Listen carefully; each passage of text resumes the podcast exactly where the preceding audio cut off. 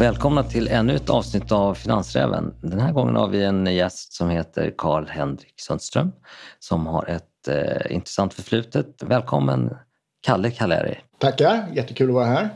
Det var inte så länge sedan du lämnade, lämnade din post som operativ chef för Stora Enso och eh, sen vet jag att du har pysslat med lite annat. Men hur får du dagarna gå nu för tiden? Det är ju så här att man, man får dagarna att gå, va? men jag, jag är rätt sysselsatt. Så jag eh, har ett antal styrelseengagemang. Ett är NXP Semiconductors som är ett av världens tio största semiconductorbolag, eller halvledarbolag. Det andra är Vestas i Danmark och det tredje är Mölnlycke i Göteborg. Därutöver så har jag ett antal investeringar jag gjort i, i allt ifrån cybersäkerhet till ett fondbolag som jag jobbar med i, i bolagen och har investerat personligen. Och eh, sen så har jag också fått ett ärorikt uppdrag och jag leder just nu eh, svenska exposatsningen i Dubai som kommer att gå av stapeln 2021. Och sen så har jag en del andra uppdrag och bland annat så har jag en konsultverksamhet som jobbar med hållbarhet. Så att mina dagar är fulla. Intressant tycker jag med hållbarhetskonsultbolaget. Hur kommer det sig att du har engagerat dig i det? Det är en av de stora lärdomarna jag fick med mig från Stora Enso. Det vill säga att, eh, hur viktigt det är att jobba med hållbarhetsfrågor. Och då handlar det om att vara hållbar i alla dimensioner. Dels lönsamhetsmässigt men samtidigt ha någonting som, som bidrar till att eh, den här planeten kommer ut bättre än vad vi står idag. För vi har inget annat val. Och det ska också vara en god affär och det tycker jag att vi visade på Stora Enso att vi kunde åstadkomma. Känner du att eh, näringslivet har förstått det här i stort?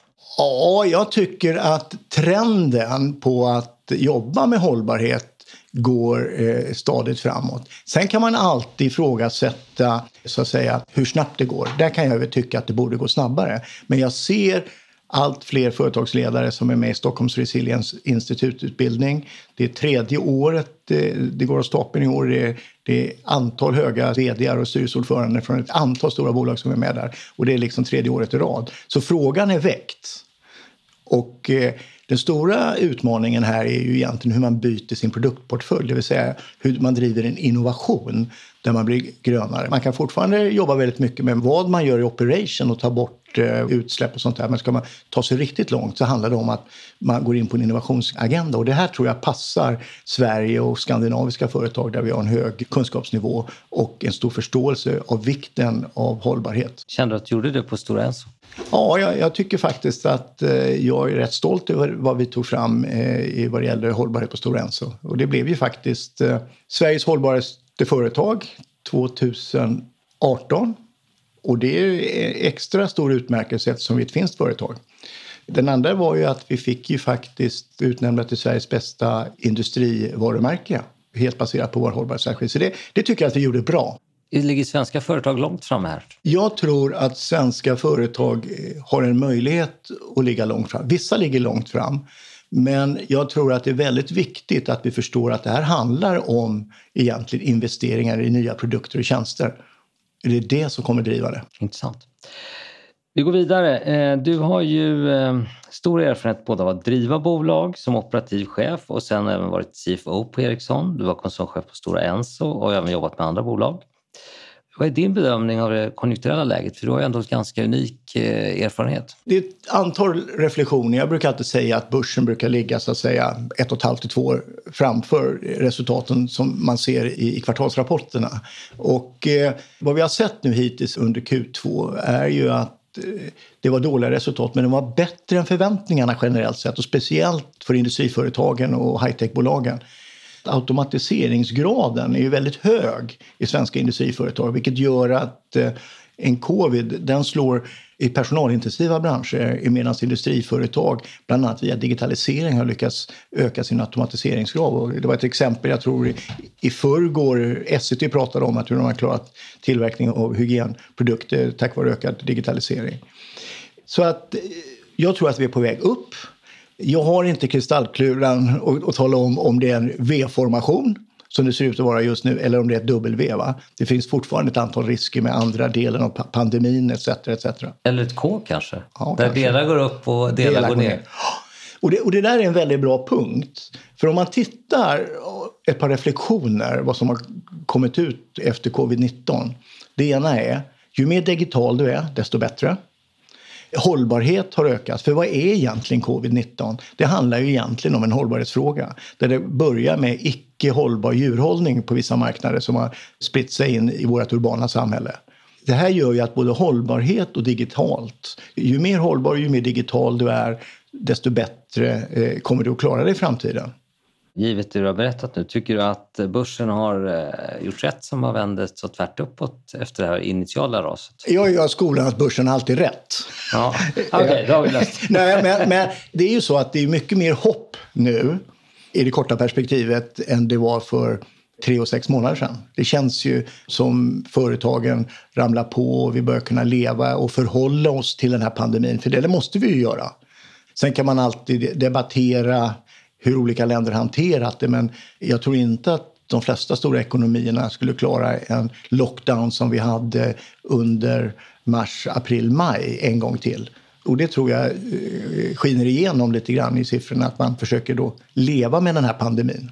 Vad, vad, får du för signaler här internationellt? För i Sverige känns det som vi har kommit inom situationstecken igenom ganska mycket. Är det din bedömning att man har gjort det internationellt också? Vad jag känner är att det är olika branscher och det är vissa som är prioriterade och de har ju kunnat köra hela tiden även om de har haft vissa jobbigheter med transporter. Va? Bland annat en radikal minskning av flygtransporter som är väldigt viktiga i vissa branscher.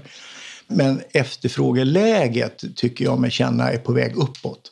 Sen är vi nog inte ännu på 2019-nivåer och det kommer vi kanske komma in någon gång i 2021 om det här fortsätter. Om man går vidare in i, i eh, börs och aktier. Du har ju liksom en kombination både operativt och finansiellt. Vad tittar du på när du bedömer aktier? Ja, egentligen så är det tre faktorer. Mm. Ja. Den ena är digitalt. Den andra är hållbart och den tredje är ledarskapet. Hur bedömer jag företagsledningen? Kapabel den är. Hur hållbar är affärsmodellen och hur digitaliserad är man? Och de kriterierna försöker jag eh, både privat när jag investerar i startups och även i, så att säga, när jag tittar på aktier specifikt att följa. Så du, det är inte så mycket nyckeltal? Nej. Och hur bedömer du ledningar? Det är någonting som jag tycker kan vara lite lurigt. Alltså för det är en sak hur ledningen är, kanske till exempel när det gäller kommunikativa ledarskapet och sen så vet man ändå inte riktigt hur de rattar maskinen bakåt.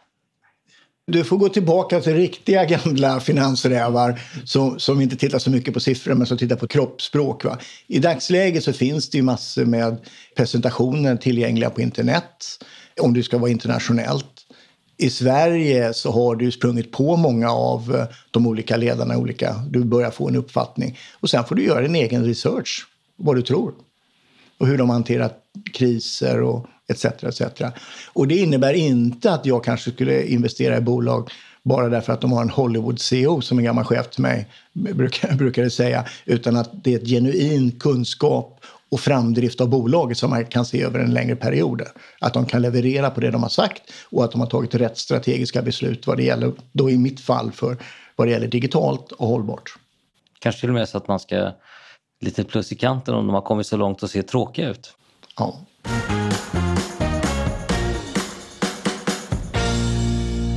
Hur aktiv är du i min egen portfölj?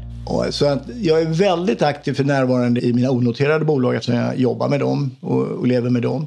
Jag sitter även med i ett bolag där jag är delägare som heter Tellus Fonder i placeringsrådet där vi tittar inom olika områden där jag bidrar med, med, min kunskap och sen är vi ett antal andra personer som kommer med annan kunskap. Så där är jag rätt aktiv. Sen i min privata aktieportfölj så är en stor del av den i innehav där jag sitter i styrelsen. Vilket av naturliga skäl eh, jag tycker är jätteviktigt. Plus en del andra smått och gott. Och hur mycket är onoterat? Ja, det är ungefär hälften. Tycker du det är svårt att investera onoterat? Ja, det, det är både svårare och lättare. Det är svårare på så sätt att eh, du kan bli väldigt eh, upptänd på en idé. Mm. Och sen funkar inte idén, va? så har man haft några dåliga. Va? Mm. Så är det ju. Så där är det liksom lätt att titta. Det svåra är ju hur persondynamiken är under resan. Om det fungerar, om ledningen liksom är rätt för nivå 2 och 3 när man är liksom på nivå 0. Där är ett område jag tror att det, det är svårt. att säga, klarar det gänget som jag tittar på nu och tar det här till en, exempelvis en notering om 5 till 10 år. Va? Den är mycket, mycket svårare. Och vilket onoterat det blir, det, det kan vara så mycket. Ehm, Det kan vara bolag som är up and running och har vissa kassaflöden eller de som bara som är en idé. Har du någon, någon del där du går in? Stor del av mitt har varit angel funding. Ja. Eftersom där tycker jag att det är en vit fläck på kartan. Och det kan vara väldigt lönsamt. I några fall har jag gått in i lite senare skeden. Men mycket har varit angel. Och den här delen av marknaden börjar lite grann öppnas upp nu för eh, mindre sparare och ja, investerare. Och det tycker jag är jätteviktigt. Och hur, eh, hur tycker du man ska tänka där?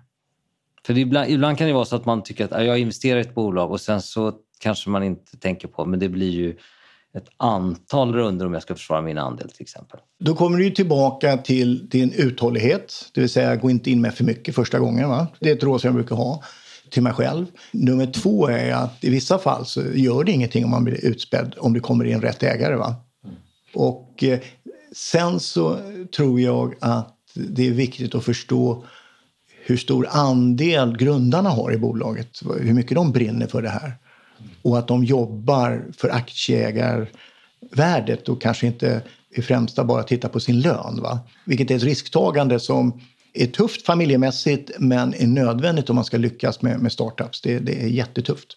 Du kanske inte vill ge några regelrätta rekommendationer men, men är det några bolag du tycker ser intressanta ut? Tänker du främst på svenska eller ja, Välj själv. Välj själv. Ja, alltså, jag följer ju väldigt mycket Warren Buffett. Ja? Och jag tycker att han har gjort en hel del rätt. Ett bolag som jag tycker är väldigt intressant är Apple. Och Fortfarande? Absolut tycker de har varit eh, jätteduktiga. Sen så gillar jag ju såna här eh, plattformsbolag som har en stor plattform. Sen tycker jag om bolag som är duktiga på molntjänster. Sen så gillar jag bolag som jobbar med internetsäkerhet. Eftersom vi blir allt mer beroende av det digitala, då måste vi skaffa oss säkerhet.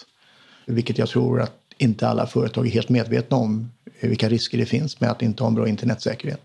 Så där är ett antal bolag. Ett av de här temana som vi har när vi jobbar med ett av fonderna som heter Tellus globala investmentfond, jag sitter med i placeringsrådet, är just att jobba med de 25 största bolagen i världen. Okay. För vi har en tes där att de som är riktigt stora har en riktigt stor plattform, de blir bara större. Okej, okay, så det finns ett eh, egenvärde i det? Ja. Nu har du varit borta ett tag från Ericsson. Hur känns det för Ericsson tycker du? Just nu så eh, tycker jag väl att eh, Ericsson de har, de har ju gått rätt bra de sista åren. Jag tror att de tre sista åren har gått upp 20 procent. Det är ett bolag som är oerhört viktigt för Sverige. Det är egentligen den som är grunden i, i mycket av våra startup-verksamheter som har spritt sig vidare.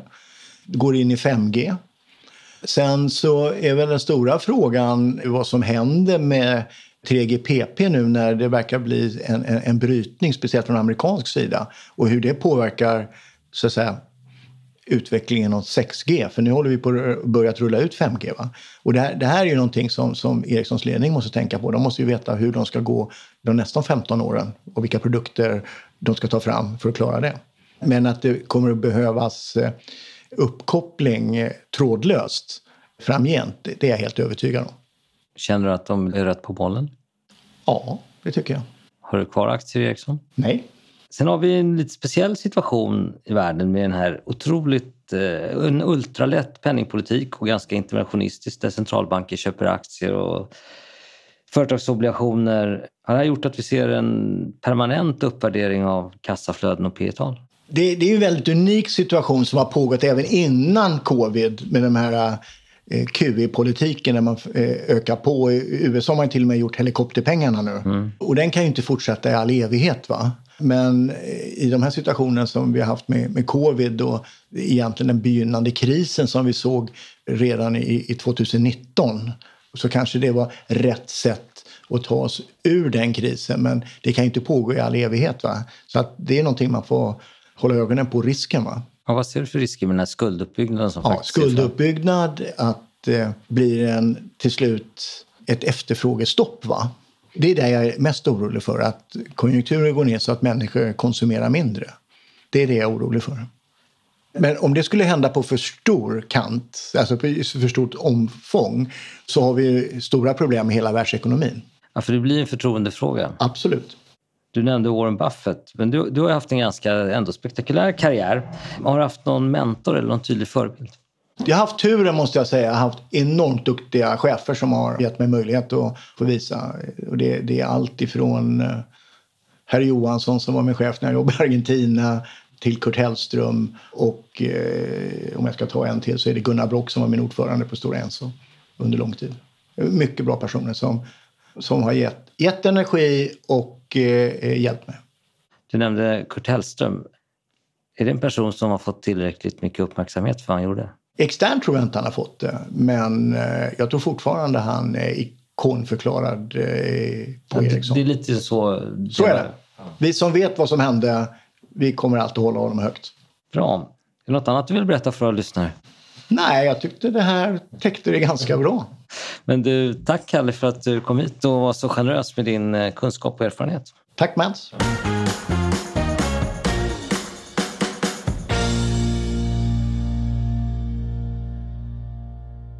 Så vi har ytterligare en gäst här i Finansräven och det är Marcus Augustsson, chefsanalytiker på Carlsquare. Välkommen! Tackar, tackar. Kul att jag fick komma. Du, eh, vi ska prata lite om ett bolag som har faktiskt haft en spännande utveckling och vars vd Christopher King har varit här tidigare och det är Adventurebox. Hur skulle du karaktärisera det här bolaget? Ett superspännande case, men till hög risk. Potentialen är bra, men risken är hög. De har en plattform som så gott som är färdigutvecklad. Det finns mycket att göra. Eh, de är aktiva på en stor marknad, eh, spelmarknaden. Den växer med ungefär 8 procent om året. Eh, marknaden värderas 2023 till drygt 200 miljarder dollar. Så det finns absolut potential. Men återigen, risken är hög. Intäkterna täcker inte kostnaderna. Finansiering kommer sannolikt att behövas. Du menar ytterligare kapitalanskaffning? Eller? Ja, precis. Bolagets vd Christopher Kingdon är en, en, drivande och entusiastisk person. Eh, han ser en mycket stor eh, potential för bolaget. Eh, hur skulle du beskriva deras potential? Det finns absolut en potential där. De nyttjar välbeprövade koncept. Dels så har vi voxelspel som Roblox eh, och även Minecraft har fått att blivit jättepopulärt. Om vi kollar på Roblox så är det ett av världens största spel. Samma gäller liksom Minecraft eh, som båda har över 100 miljoner månatliga användare. Sen så kombinerar de ju den här populära speltypen med streaming vilket gör att det blir enklare för användare eller nya användare att ansluta. Så förutsättningarna för bolaget att slå stort finns absolut där. Och sen så just streaming möjliggör ju för, ska man säga, billig marknadsföring i och med att det finns förutsättningar för viral spridning. Alltså att en användare delar ett spel eller vad det nu kan vara med sin kompis och sen så spinner det vidare så att säga. Istället för att man måste köpa in eh, användare eh, via Google Ads eller vad det nu kan vara. Men just nu så måste ju bolaget liksom växa antalet användare eh, för att eh, kunna eh, generera mer betydande intäkter. Så vad du säger är att, att den här streamingen och möjligheten till viral spridning gör att ackvisitionskostnaden för ytterligare kunder är relativt låg. Mm.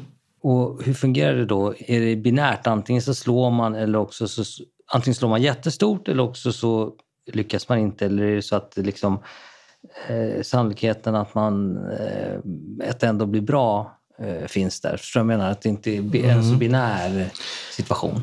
Ja, men absolut. I och med att det är användare som också skapar spelen så kommer ju de ju kunna skapa många spel. Det är inte så att de bara har en titel eller två titlar som allt eller inget. Utan här kan de ju, har de ju miljoner gånger på sig förmodligen över tid att skapa den här superhitten som kommer locka många användare. Så jag skulle vilja säga att sannolikheten för Adventurebox att hitta en titel som verkligen slår är större än om du bara har en, en liten studio som har en, ett nytt spel, så att säga. Så i det perspektivet så är kanske risken, risk-reward ganska hyggligt ändå, givet Ja, absolut. Absolut, absolut. Och du följer ju bolaget och eh, du gjorde en, en update, eller jag tror att det kallas för market buzz, på de senaste siffrorna. Vad, vad sa de här siffrorna? Nej, men det som stack ut i våra ögon det var framförallt att antalet webbesökare återhämtade sig väldigt kraftigt, eh, väl över förväntan faktiskt. Det var en poäng. Eh, den andra poängen var att, eller den andra biten som vi tyckte stack ut, det var just att andelen köpt trafik via så kallade CPC-modeller, eller cost per click-modeller som Google Ads då, föll tillbaka. Och det indikerar ju, utan att veta, men det signalerar i alla fall att den virala spridningen har kommit upp, alternativt att det är andra marknadsföringskanaler som driver den här tillväxten eller återhämtningen i antalet webbesökare. Så det är väldigt intressant. Eh, det finns givetvis vissa data som, som man saknar för att kunna fastställa att det faktiskt är så. Men det är en indikation absolut på att de börjar få till det där med den virala spridningen som är väldigt viktig. Kan man dra några slutsatser då av att, att deras affärsmodell fungerar? Man kan dra slutsatsen givet att vårt antagande då om att den virala spridningen faktiskt tilltar att de har en strategi som fungerar. Det är det de jobb, har jobbat med i och med att de har en, en plattform som streamas. Den streamas ju just för att det ska underlätta för nya användare att ansluta.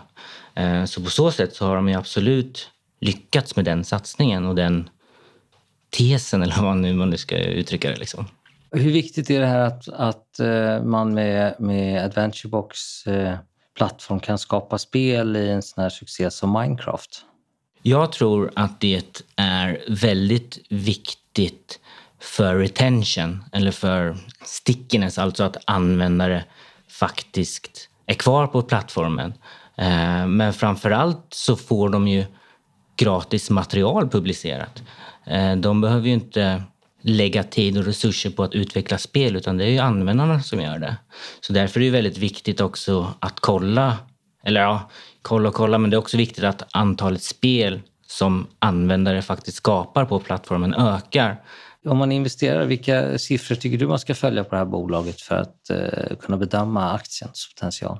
Ja, men just nu anser vi eh, på Karlsberg då att den absolut viktigaste siffran är tillväxt i antalet användare. Dels så har du en komponent webbesökare. Eh, den andra är ju då återkommande webbesökare. Om vi kollar på webbesökare så vill vi givetvis att den ska stiga, men också andelen återkommande Eh, bör kunna stiga. Eh, andelen återkommande eh, webbesökare trendat ganska horisontellt över ett tag, men vi ser gärna att den börjar ticka upp lite upp mot 25-30 nivån i alla fall, procent. Men absolut så är antalet användare jätteviktigt. Men även också intäkter. Tyvärr så redovisar ju inte bolaget det på månadsbasis idag hur mycket reklam i videoformat eh, genererar. Eh, det är en ganska ny funktionalitet på plattformen just att kunna visa videoreklam. Historiskt har det ju varit stillbildsreklam eller banners då, då men videos genererar ju mycket mer per visad video i relation till en, en stillbild.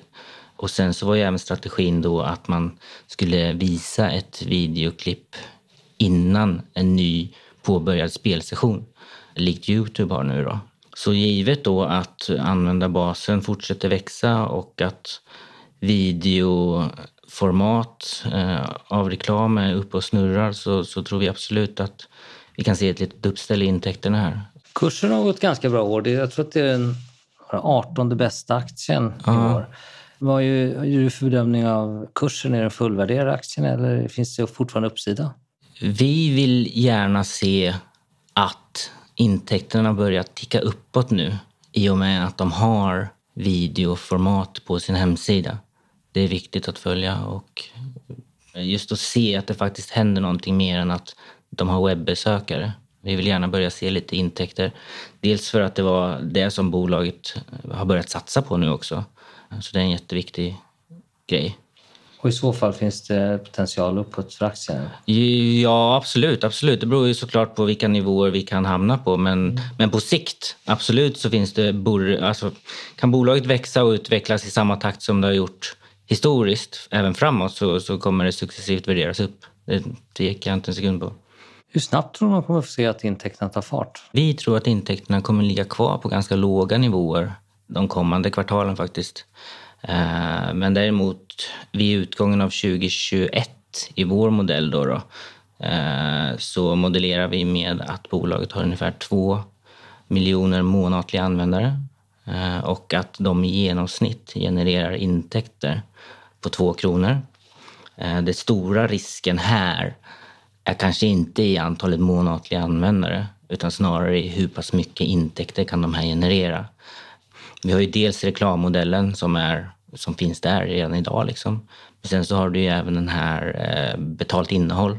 Att användare köper saker för spelet på plattformen så att säga. Den modellen måste verkligen komma igång. Mm. Men även då liksom abonnemangsmodellen de har också borde, kommer behöva komma igång. Men vi tror på fortsatt ganska låga intäkter för helåret 2020. Tickar uppåt under 2021 och kommer upp till betydliga nivåer under 2022. Analysen ligger på hemsidan, eh, vår hemsida, då, vilket eh, ni kan läsa. Kan det bli en riktig Roblox-succé av det här? Förutsättningarna finns absolut där. Eh, som jag nämnde i början här, eller tidigare, att det är välbeprövade koncept de kör med, som de arbetar med. Det gäller bara att ha lite tur så kan det, kan det hända. Okej Marcus, tack så hemskt mycket för dina insiktsfulla kommentarer här. Tack så hemskt mycket för att jag fick komma. Tack.